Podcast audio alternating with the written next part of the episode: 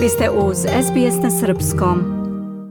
Tradicionalna manifestacija Ulica otvorenog srca počeće i ovog 1. januara u podne u centru Beograda, odnosno u Svetogorskoj ulici, delu Makedonske ulice i Skadarliji, a predviđen je bogat program.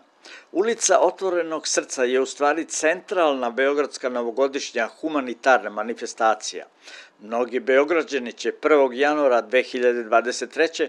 proslaviti novu godinu sa svojim dragim gostima i prijateljima, komšijama i sugrađanima na ovoj manifestaciji koja je odavno prevazišla okvire Beograda i postala prepoznatljiv brend koji promoviše najhumanije vrednosti našeg glavnog grada i njegovu otvorenost. Uz pesmu, muziku, ulične zabavljače, žonglere, akrobate, mađioničare, pozorišne umetnike i brojne atrakcije, svi će moći da se zabave, a naročito najmlađi. Tačno podne, posle novogodišnjih čestitki, Mali vatromet simbolično otvara festival Ulica otvorenog srca. Iz zgrade pozorišta Ateljeja 212 izlaze izvođači i započinju svoju tradicionalnu šetnju, stvarajući jedinstvenu karnevalsku povorku punu muzike i igre. Tako kreće glavni program.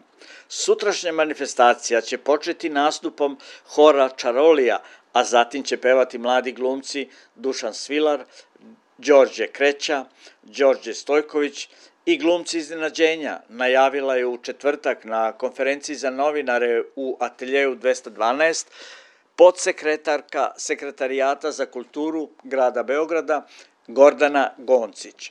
Potom je kazala – Više od deset godina unazad ulice Otvornog srca su preuzeli drugi gradske opštine, e, nastao je i trg Otvorenog srca i uopšte ova ideja se baš proširila, ali ovo zaista jeste jedinstveni praznik jer se nigde u svetu ne slavi početak godine. Početak koji slavimo sa velikom radošću, uz muziku, uz igru, sa našom decom, sa našim porodicama, prijateljima, e, svi smo na ulici i svi mi koji smo, čak i oni koji su i dočekivali prethodne noći, ali i oni koji nisu, koji su bili u svojim kućama imaju potrebu prosto da izađu napolje, dok svi drugi u drugim gradovima spavaju.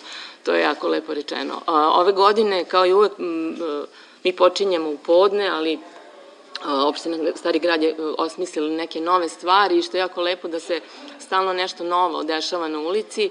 Direktor turističke organizacije Beograda Miodrag Popović je rekao je da je ulica Otvorenog srca jedan od najzanimljivijih praznika za čitavu Srbiju.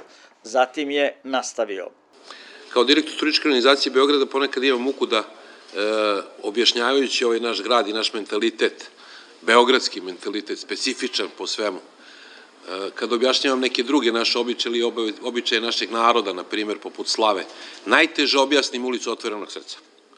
Zato što nikom nije jasno kako to 1. januara, kada resto sveta spava posle slavlja i proslave dočeka nove godine, samo Beograđani negde pre podne pa do, dok ima sunca, odnosno do mraka, na ovoj ulici pokazuju se koliko optimizma i koliko humanosti i empatije, dočekuju tu novu godinu i njen prvi dan. Ono što je meni možda najznačajnije, a to je da već godinama ja gledam, ili bar poteklih devet godina, ja gledam kako deca onih koji su dovođeni na ulicu otvorenog srca dolaze i zajedno sa svojim roditeljima obeležavaju taj dan. U našem narodu, beogradskom, ovaj praznik se inače zove i praznik crvenih noseva ili dan crvenih noseva. To je dakle dan kada svi stavljamo, doduše ispred mene plavi, i plavi je lep, ali kad svi stavljamo evo ove crvene noseve, neki od nas malo teže stavljaju ove crvene noseve, iz očiglednih razloga, ali generalno to je dan empatije i humanosti ovog grada. Ovaj grad po svojoj prirodi uvek je prihvatao sve koje u njega dođe i to je jedan od glavnih elemenata turističkog proizvoda grada Beograda u turizmu. A inače u turizmu je Beograda ovo najuspešnija godina ikad i ako nekome treba da zahvalimo, pre svega to su sami Beograđani koji u stvari i čine sve ono što je važno u ovom gradu.